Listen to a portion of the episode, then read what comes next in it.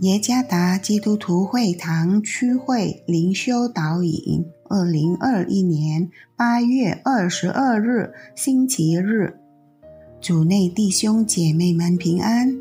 今天的灵修导引，我们要借着圣经约拿书第四章第一到十一节来思想今天的主题：从抑郁中得自由。作者。和城里传道，约拿书第四章第一到十一节。这是约拿大大不悦，且甚发怒，就祷告耶和华说：“耶和华，我在本国的时候，岂不是这样说吗？我知道你是有恩典、有怜悯的神。”不轻易发怒，有丰盛的慈爱，并且后悔不降所说的灾，所以我急速逃往他失去。耶和华，现在求你取我的命吧，因为我死了比活着还好。耶和华说：“你这样发怒合乎理吗？”于是约拿出城，坐在城的东边，在那里为自己搭了一座棚，坐在棚的荫下，要看看那城究竟如何。耶和华神安排一棵蓖麻，使其发生高过约拿，引而遮盖他的头，救他脱离苦楚。约拿因这颗蓖麻大大喜乐。次日黎明，神却安排一条虫子咬这蓖麻，以致枯槁。日头出来的时候，神安排炎热的东风，日头曝晒约拿的头，使他发昏。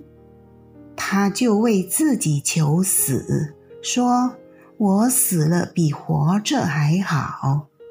神对约拿说：“你因这颗蓖麻发怒，合乎理吗？”他说：“我发怒以至于死，都合乎理。”耶和华说：“这蓖麻不是你栽种的，也不是你培养的，一夜发生，一夜干死，你尚且爱惜。”何况这尼尼为大城，其中不能分辨左手右手的有十二万多人，并有许多牲畜，我岂能不爱惜呢？詹姆斯·布赖恩·史密斯在其题为《善良而美好的上帝》一书中，解释了浪子比喻的重点。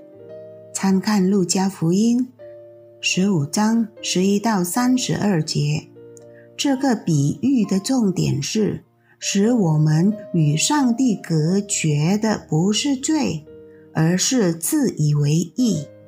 这种自以为义的态度不会使上帝远离我们，而是使我们远离上帝。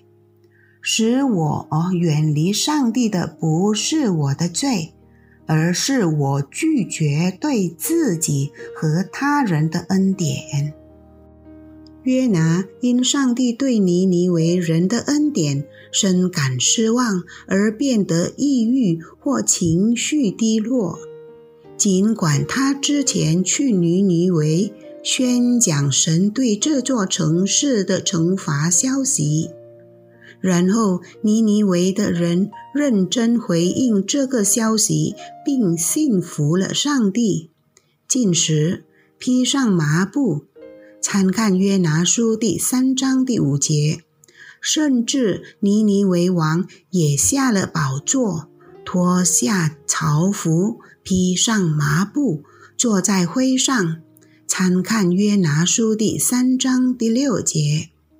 最后，他们从个人所行的恶道和对彼此的强暴中悔改。参看约拿书第三章第八节。上帝向他们彰显了他的恩典。参看约拿书第三章第十节、第四章十一节。上帝赐给他们恩典的原因，主要不是因为他们的好行为和悔改，而是因为上帝愿意救恩发生在他们身上。但是，神对尼尼为人的恩典，使约拿抑郁，甚至发怒。第一、第四、第九节，对他来说。死了比活着还好。第三和第八节，约拿的抑郁是因为他拒绝上帝赐给尼尼为人的恩典。如果约拿能够接受上帝对他们的恩典，那么他肯定会从抑郁中得自由。我们中的一些人。可能对上帝赐给罪人的恩典难以接受，甚至感到失望。更何况那个人是我们所认识的。我们就像浪子比喻中的长子，对上帝将饶恕的恩典赐给这种人而感到非常愤怒和失望，这能使我们抑郁。我们不再拥有热情，渴望为上帝而活，更何况为看到那些罪人经历改变而活。醒悟吧，这都是因为我们拒绝上帝的恩典所造成的抑郁。为要让我们从这种抑郁中得自由。